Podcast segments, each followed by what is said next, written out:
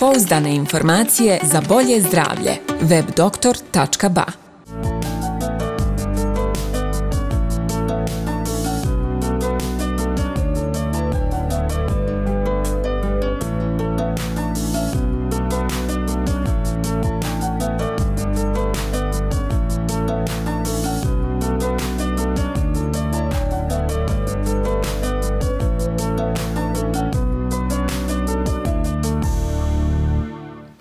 Poštovani gledalci, dobar dan i dobrodošli u emisiju Inovacija i zdravlje.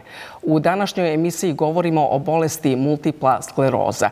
Naš sagovornik je doktorka Sanja Grkić, nacionalni koordinator za multiplu sklerozu Republike Srpske. Doktorka, hvala vam što govorite za inovaciju i zdravlje. Hvala vam na pozivu. Pozdrav naše gledalci. Evo da kažemo, svako u današnje vrijeme poznaje nekoga ko boluje od multiple skleroze. Možete li ukratko upisati o kakvoj se bolesti radi, kako se ona može prepoznati?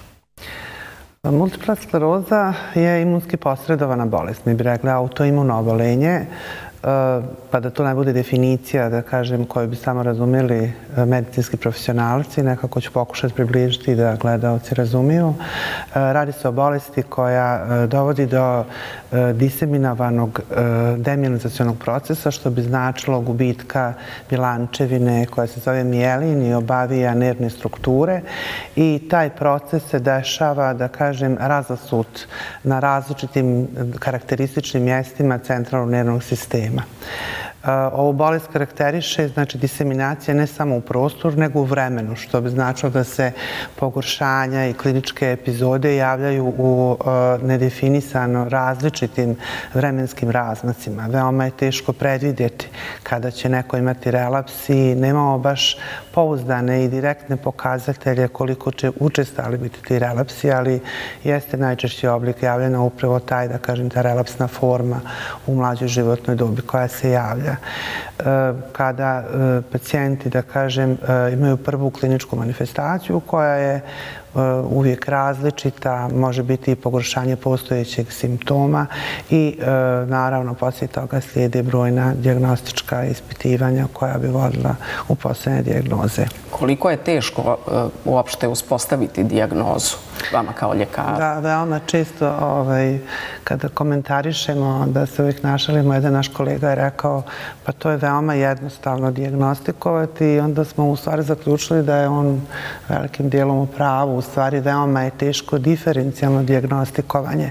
Zato što ova bolest veoma liči na brojna obolenja, odnosno mogli bi reći da je brojna druga obolenja liči na multiplu sklerozu, pa onda kažu da ona veliki imitator i tako joj se pridaju brojni epiteti, ali u suštini e, bolest koja može da liči na bilo koje autoimuno obolenje koje zahvata nervni sistem, na brojna reumatološka obolenja, endokrinološka, infektivna, inflamatorna, na neka brojna autoimuna obolenja i tu imamo dilemu kako da diferenciramo, da ne zamijenimo ovu bolest sa nekom drugom jer su liječenja naravno različita. E, zato je potrebno napraviti jedan dobar, da kažem, diagnostički protokol koji bi trebao da bude uniforman i jeste. Mi nastojimo da radimo onako kako to rade bilo gde u svijetu, da naši pacijenti imaju zaista kompletan diagnostički tretman kao u bilo kojoj zemlji, da kažem, razvijenoj. Diagnostika kod nas na zadovoljavajućem nivou? Diagnostika je potpuno kompletna, znači e, mi smo negdje u nekom periodu zanavljanja posle ratne te neurologije, svi kako smo dolazili mladi ljekari, donosili jednu po jednu diagnostičku metodu, obnavljali ono što se nekad radilo, donosili nove metode i kompletirali u ovoj oblasti, znači 2009. otvaranjem naše neuronološke laboratorije gdje mi samostalno radimo iz fokusiranje likora. To je bila negdje, da kažem, posljednja diagnostička metoda koja nam je bila potrebna. Naravno, razvio se diagnostički centar neuroradiološki umeđu vremenu. Imamo odlične neuroradiologe, imamo posljednje, da kažem, opremu u pitanju magnetne rezonanse koja je neophodna i e, imamo naravno našu neurofiziologiju, imamo svoje evocirane potencijale koje radimo, bateriju, tih pregleda. To je negdje prva i jedina metoda koju smo imali kad smo počinjali, nismo imali ovo sve drugo. I e, pored toga radimo znači, e, brojne ispitivanja e, laboratorijska u smislu da se isključe, da kažem, druga obolenja i svakim danom je to su te, ta paleta, da kažem, tih e, ispitivanja iz krvi je sve bogatija, zaista. Mislim da ne postoji nešto što bi bilo potrebno pacijentu da mi uradimo u ovom momentu, a da to ne možemo uraditi u Republici Srpskoj. I rekli ste da je ova bolest imitator možda nekih drugih sličnih oboljenja. E, pa kako, koji je taj prvi korak? Ajde, objasnite. Uh, prvi korak bi bio da zaista, uh, evo pa ovom prilikom pozdravljam ovakve emisije, nekad nije nam to svejedno ni pričati o ovoj bolesti, nekad se pomislimo da li bi uplašili auditorijuma kad kažemo ja da su u mladoj dobi i tako dalje, opisujemo sve te simptome, ali zaista je neophodno da stanovništvo bude upoznato da postoji ta bolest i da se ona dešava nekome se može desiti, naravno ne želeći bilo koga da uplašimo, ali da znaju prepoznati, možda i kod nekoga u svojoj sredini, kod prijatelja, poznanika, želimo malo ovaj, skrenuti pažnju i porodičnoj medicini, jer to su kolege koje su prve u kontaktu, nekada se nepravedno ono, ranijim nekim godinama, pa kad pa dođe pacijent ima svojih 15 do 18 godina, kad ima brojne adolescentne tegobe, pa kad još usto kaže da mu nešto trne, da ima neku maglicu ujutru, pa ona malo prođe ili tako dalje. Kad neko nedefinisano nam nešto govori, često bismo tad pomišljali da možda samo nešto to psihogeno ili u skladu sa razvojnim simptomima. Danas sve češće se to zaista ne dešava. Porodični ljekar pošalje pacijenta, mi ga pregledamo, bolje da je pacijent pregledan da konstatujemo da zaista nemamo nikakav problem, nego da iz neke vremenske distance onako nam bude baš žao da, da pacijent nije došao ili da možda mi nismo prepoznali, da on nije bio uporan i tako dalje. Mislim da se to jako promijenilo, da je veoma značajan, veoma su značajni istupi medija, to je sigurno, e, pa dobro, možda i mi smo počeli malo da se otvaramo i da se drugačije, da kažem, ponašamo prema profesiji kojom se bavimo i zašto da ne pričamo o onome što radimo i pričamo o ustanove od koje radimo, mislim da je to veoma važno. Kako izgleda život oboljelog od multipla skleroze? Da, jednom smo ovaj, komentarisali, ovaj, jedna majka jedne mlade djevojke je rekla vi ne znate uh, kakav je život, a ona je rekla mami uh, pa ne zna doktorka, pa vama ne znaš niti. Mislim da u suštini zaista niko ne zna kakav je taj pravi život pacijenta koji boli od multiple skleroze, sigurno oni najbolje to znaju prepričati. Svako od njih ima različitu priču. To je ono što je fascinantno, da nemate ni jednog, čak ni sličnog pacijenta oboljelog od multiple skleroze. Svako od njih ima svoju šaroliko simptoma. E, svako od njih e, ima pojavljivanje tih kliničkih epizoda u različitom razmaku. Različito reaguju na lijekove. Različite stvari im prijaju u životu. Nekom prija da se ostvari kao majka da ima potomstvo, neko u tom momentu odlučuje da se ne upušta u to. Znači, negde smo i mi sami naučili da se na neki način počinjemo prilagođavati pacijentima. Nismo tako više rigidni u stavovima koji su bili, koje piše literatura, sad vidimo da to sve baš i nije tako E, pa su bile neki stavovi da način ishrane mora postojati striktno, bez životinskih masnoća. Sad se već više dogovaramo sa pacijentima.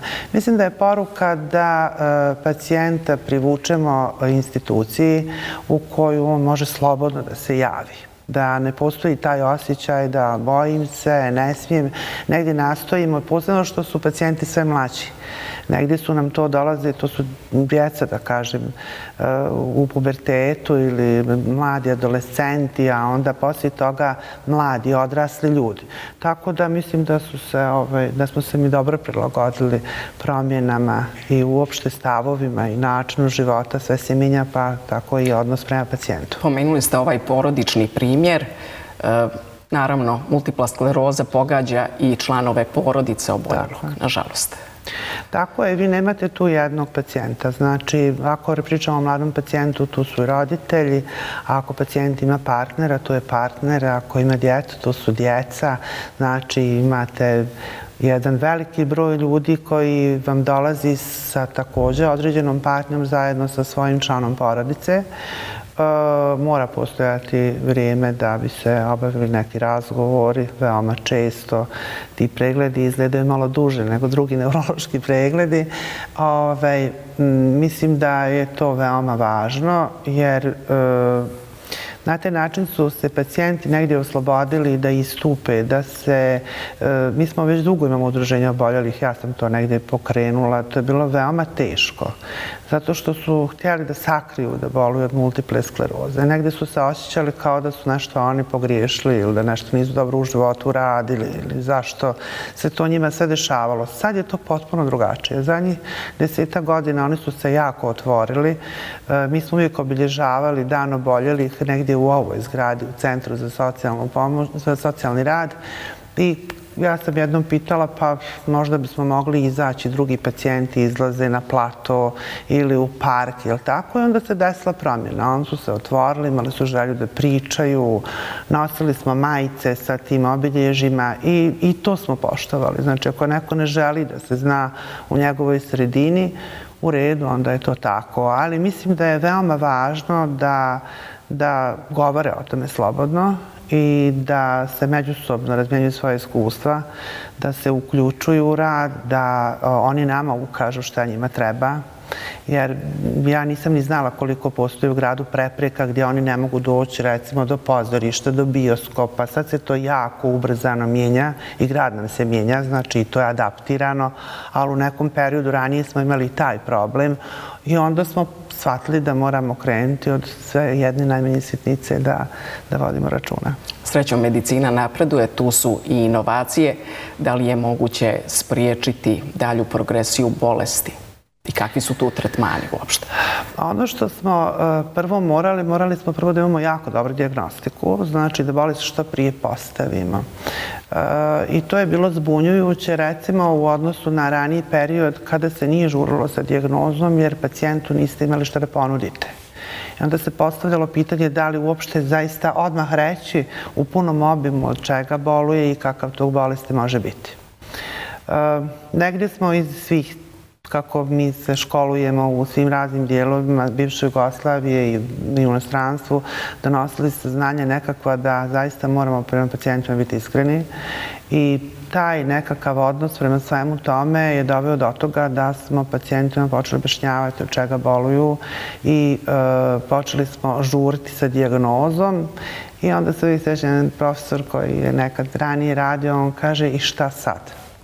I stvarno je tako bilo. Mi nismo imali ništa od terapijske mogućnosti izuzev da pacijentu dajemo pulsne doze kortikosteroida za taj trenutni e, klinički atak, ali u smislu trajnog liječenja pacijenta, etiološkog liječenja, nismo imali ni jedan lijek u tom nekom posteratnom periodu. 2006. godine počeli smo da radimo sa imunomodulatorima, To je bio kao projekat Ministarstva zdravlja e, zajedno sa Fondom zdravstvenog osiguranja i tu smo krenuli sa malim brojem pacijenata, ali to je veoma značajno, znači, jer u svijetu su krenuli imunomodulatori 1995. 1996. pa mi smo nekje deseta godina, da kažem, obzirom da je bio i rat i da smo, da kažem, skromnih mogućnosti, to su veoma skupe terapije, počeli da radimo na modulatorima prve linije. I onda se na globalnom nivou u cijelom svijetu desila jedna revolucija u ovoj oblasti, najviše novih lijekova baš u ovoj oblasti, vjerovatno i sigurno zato što se radi o mladoj populaciji, mladim ljudima. E, I e, u tom periodu e, se pojavljuje znači, nekoliko lijekova prve linije, potom lijekovi druge linije, gdje mi sad e, u Republici Srpskoj od tog, da kažem, jednog malog broja šest pacijenata koji su bili na interferonima, e, mi smo sad u ovoj godini imali oko 125 pacijenata na e, jednom od šest, da kažem, mogućih lijekova koji su nam na raspolaganju. Od toga su tri lijeka prve linije i tri lijeka druge linije. Znači, veoma je bitno da imate paletu lijekova, jer ranije, ukoliko pacijenta pacijentu taj lijek ne bi djelovao, mi bismo morali da pacijenta isključimo i ne bi mogli ponuditi ništa drugo. Koliko je to vama olakšalo posao? Nama je to, evo, i malo prije smo razgovarali, to nam je dalo vjetar u leđa, zaista neku nadu. Vidite pacijenta koji se oporavlja, koji je u nekom momentu potpuno bez deficita, uključuje se u normalan život, ljudi osnivaju porodicu, odlučuju se na djecu, na porodicu. Pravimo pauze kad pacijenti su pripremamo za trudnoću, imamo mogućnost nakon toga sasvim lijepo da je obećamo da nakon trudnoće, ukoliko bude trebalo, ponovo ćemo je vratiti na terapiju. To su za nas nekad bile nemoguće situacije. Pa ove godine zaista značajno povećan broj.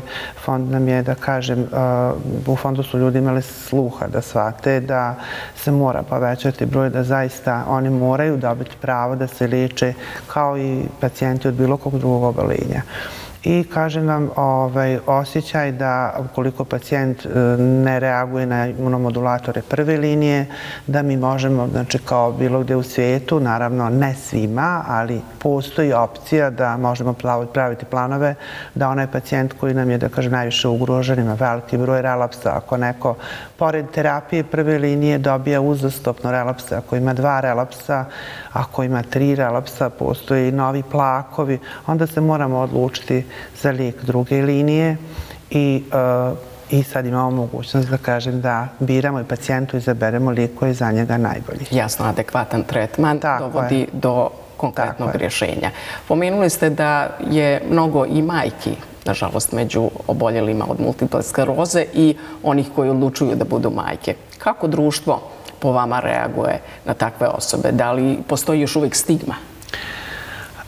Mislim da smo dosta. To je ovo što, što ove, posebno te mlade žene su se sad zaista promijenile, odnosno odnos prema toj bolesti se promijenio i one su shvatile da e, negdje vrlo im je bitno. Ranije kad smo imali mladu pacijenticu, negdje se to krilo, više nije dolazila na preglede i dešavalo se da se ona pojavi tek kad je već se udala i stekla djecu, i, a bolest uzela maha. Danas imamo potpuno drugu situaciju. Djevojke e, i mlade žene se pregledaju, žele da znaju, da dobiju vrijeme, da znaju da, da li je e, bolest zaista ta, da znaju koja je forma. Jako puno pitanja postavljaju i s punim pravom očekuju da mi njima dajemo odgovore. Nešto im možemo odgovoriti, a nešto možemo samo da pretpostavimo. E, nastojimo, znači, što prije se jave, što prije postavimo diagnozu formu, što su pod boljom kontrolom, način života, naravno, koji vodi, dovodi ih u jednu, da kažem, bezbjedniju zonu. Ukoliko imaju relapse, pogoršanja, oni će biti prije uključeni na terapiju i bilo bi dobro ako se bolest javlja u tim ranijim godinama da se pacijentica pruđe jedno vrijeme liječenja, da je pripremimo za trudnoću. Negdje pravimo plan, ne može baš sve biti spontano u ovom slučaju, ali bude to fino, ovaj, fino se mi to dogovorimo. Znači, napravimo jedan plan kada one budu htjele da planiraju trudnoću, onda se prekine ličenje, ti likovi ne prave nikakav problem da se poslije toga planira trudnoća, zavisno od lijeka. Neki lik je pauza mjesec dana, neki tri, poslije toga E, one nema razloga da strahuju od trudnoće zato što to je takozvani medeni mjesec u multiploj sklerozi. Veoma rijetko se dešavaju relapsi za vrijeme trudnoće. E, pretpostavka je da te hormonski status zaista njih dovodi u jedno, da kažem, tako stanje. Međutim, e, ja uvijek se upozoravam da je onaj neki rizičan period je poslije poroda kada se mijenja taj hormonski status i pacijentice budu tada i psihofizički angažovane maksimalno i emotivno, neispavane, umorne, iscrpljene i tako dalje i tada se dešavaju relapsi. Tada treba posebno vratiti pažnju na njih i ako je potrebno ponovo ih vratiti na terapijski program. Naravno, bilo bi idealno da imamo za svi u lijek, ali da kažem, gledamo da to bude negdje onako prema hitnosti. Nastavit ćemo ubrzo ovaj naš razgovor nakon jedne male pauze.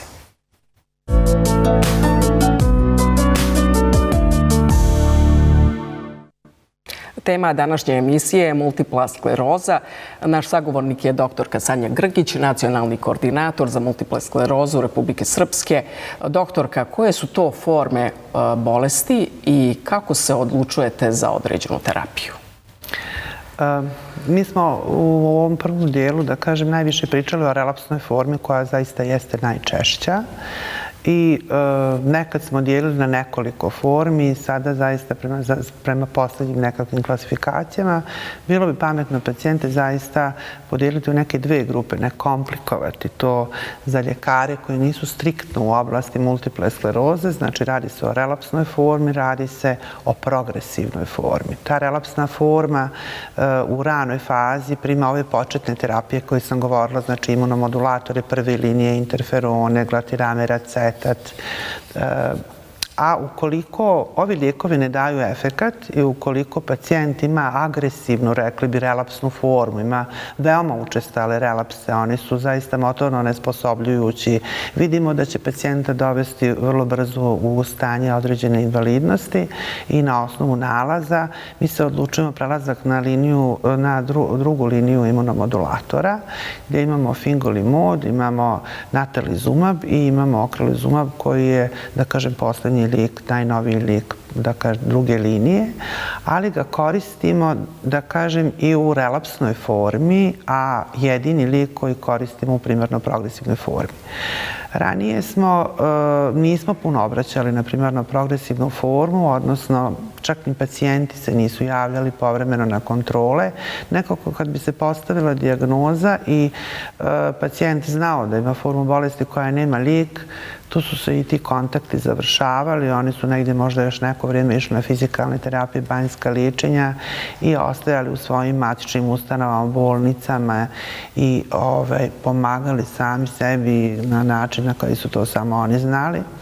E, I onda se desila zaista revolucija ovaj, u ovom poslu. To od ove godine i mi smo, ne, da kažem, entitet koji e, prima, pacijenti mogu imati mogućnost da primaju okralizumab u veoma skorom periodu očekuje se i u, eh, da će u Beogradu biti u Srbiji. Oni još uvijek nisu krenuli s lijekom, sad čekamo da se to i kolje. To su neki tehnički razlozi, ali uglavnom, da kažem, ove e, bivše republike, ove, bivše Jugoslavije, Eh, počinju da primaju u istom momentu kada taj lijek se pojavlja u svim zemljama svijeta. To je veoma bitno da nismo negde na repu zbivanja. Obično mi dobijamo, rekla sam ove interferone, ove terapije smo dobili deset godina nakon što su se oni pojavili u Evropi. Ovo je po prvi put da zaista je zadovoljstvo raditi nešto kada je i svi eh, iz ove oblasti počinju sa liječenjem. Eh, lijek je veoma potentan, terapijski zaista moćan i naravno da takvi lijekovi mogu da daju i neželjene efekte, tako da se pacijenti moraju veoma brižno birati.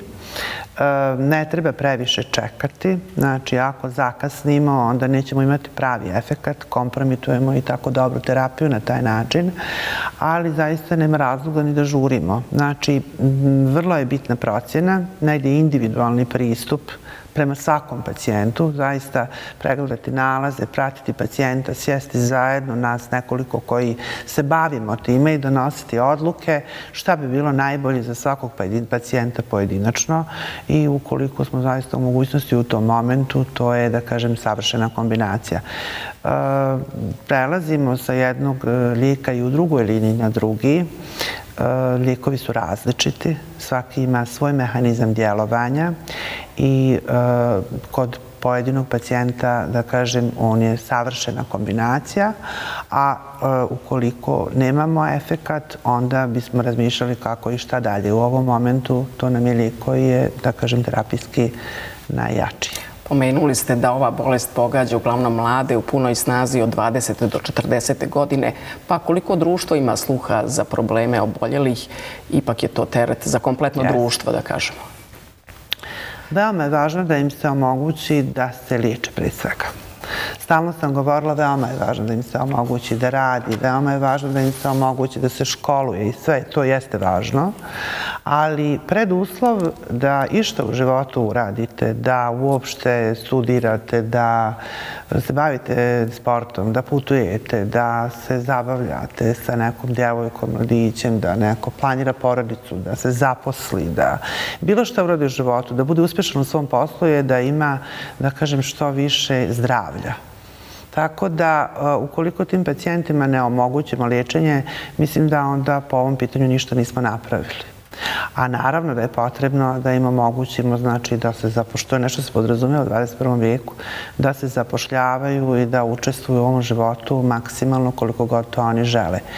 Um, negdje su se otvorila sva vrata, da kažem. Ne mogu reći desilo se sad neko čudo, ali zaista uh, mislim da su ljudi konačno počeli da uh, čuju nas i pacijenti postaju vidljivi. E, mislim da i mi sami kao građani e, drugačije odnosimo prema oboljelima. Više se priča, normalno se komunicira o toj bolesti. Prilaze mi ljudi, pitaju me za savjete, potpuno bez straha. E, tako da negdje smo se okrenuli prema tome. Mislim da e, je počelo, da kažem, društvo da, da prepoznaje ovu bolest kao zaista veoma važno. Ona nije masovna. Mi smo komentarisali zašto nacionalni koordinator nekad, kad je to definisano 2010. za ovu oblast, ovo nije masovna bolest. Nije masovna bolest, ali je veoma učestala i veoma značajna za jednu, da kažem, najvažniju životnu dobu i najljepšu životnu dobu. Negdje između 20. 40. godine kada se svima nama u životu dešava sve, da kažem. I ako usto imamo uh, sliku da ona počinje da se javlja sve ranije, da je to negdje djeca krajem osnovne i početkom srednje škole, mi definitivno moramo imati sluha za ovo i moramo i cijelo društvo i cijeli sistem, da kažem, to je sigurno. Ono što se mnogi gledalci, vjerujem, sada pitaju da li su ti tretmani, odnosno terapije, skupe? Čim e, pričamo o tome da nisu dostupne da sviju, to znači jedini razlog je da kažem e, njih, to što su te terapije zaista skupe. One nisu skupe zato što je to tako ovdje u našem e, mjestu gdje mi živimo, nego je to tako u cijelom svijetu. To su uh, lijekovi koji se dobiju na poseban način, su veoma komplikovan način proizvodnje i dijelovanja. Svi lijekovi koji djeluju na imunološki sistem, to su i biološke terapije, to su ozbiljne terapije. Eh, naravno da se radi o skupim lijekovima i mm, zato, kažem, mi ne možemo biti prezadovoljni. Treba da svi pacijenti imaju lijek, ali smo zaista ipak zadovoljni. U ovoj godini je bio jedan značajan pomak. Mi smo gotovo udvostručili broj pacijenata i kad kažemo da imamo novih 60-ak oboljelih mladih ljudi koji su dobili eh, odlične terapije, onda moramo biti zadovoljni, to je sigurno. Kako bi izgledala budućnost možda kada su u pitanju terapije multiple skleroze? Vaše mišljenje? Ovo se nije zaustavilo definitivno. Znači, na sve jednom kongresu, ovi kongresi su u oblasti neurologije najposjećeniji. Ako imate 7000 eksperata samo iz ove uske oblasti neurologije na jednom skupu, uh, onda se to zna da ni na jednom predavanju imate 7000 ljudi gdje ovaj, pola od toga sigurno stojimo. Ove, veoma interesantna oblast, veliki broj stručnjaka se bavi ovom ispitivanjima, brojni su lijekovi, da kažem, i sada, je, dok mi razgovaramo, očekujemo da se pojave neki novi lijekovi, pa onda ovi lijekovi što su takozvani stari, dali su i oni neke nove rezultate, jer oni se prate još uvijek, pa su neki od njih odobreni za pediatrijski uzrast, pa su neki od njih odobreni za vrijeme trudnoće, tako da stalno imamo nove medicinske informacije informacije. Mi inače učestvujemo i u kliničkim istraživanjima. Deset godina poslednjih radimo znači, na našem centru kliničke istraživanja, što će raditi da učestvujemo direktno u ispitivanjima brojnih inovativnih lijekova, pa tako i neki od ovih koji, koji danas su, da kažem, zvanični lijekovi su, da kažem, nekad bili naši ispitivani lijekovi. Kakva bi bila vaša poruka za kraj ove emisije našim gledalcima? Poruka je da e, trebamo zaista, e, skrenula bi pažnju, znači svim zdravstvenim profesionalcima, a posebno me raduje da prepoznajem kod mladih kolega interesovanje i jedan potpuno drugi odnos u odnosu na prije nekih 20 godina, E, da se pacijenti mladi saslušaju, da zaista ukoliko su zdravi i to ih mi pregledamo, to je odlično. Znači, mnogo bolje nego da kad ih pregledamo treba da im kažemo da imaju neku ozbiljnu hroničnu bolest. Mislim da pacijente treba pregledati, da ljudi treba da e, ne treba stvarati nikakvu paničnu reakciju, ali ukoliko imaju problem, da ga ne zanemaruju. Ukoliko se on ponavlja, ukoliko su drugi primijetili da postoje nekakvi ispadi u smislu smislu poremećaja hoda, slabovidosti, neki poremećaj senzibiliteta koji se ponavljaju, neki neobični simptomi koji čak njima nisu baš najjasniji kojoj patologiji pripadaju, kojom specijalisti treba da odu, onda neka se poželi svom porodičnom ljekaru i on kad ih uputi neurologu veoma brzo će se ući u, da kažem, u taj nekakav protokol pregleda. Hvala vam što ste govorili za inovaciju i zdravlje. Hvala vam. Poštovani gledalci, ostanite uz ATV i vodite na vrijeme računa o svom zdravlju jer ono je vaše najveće blago. Doviđenja. Pouzdane informacije za bolje zdravlje. webdoktor.ba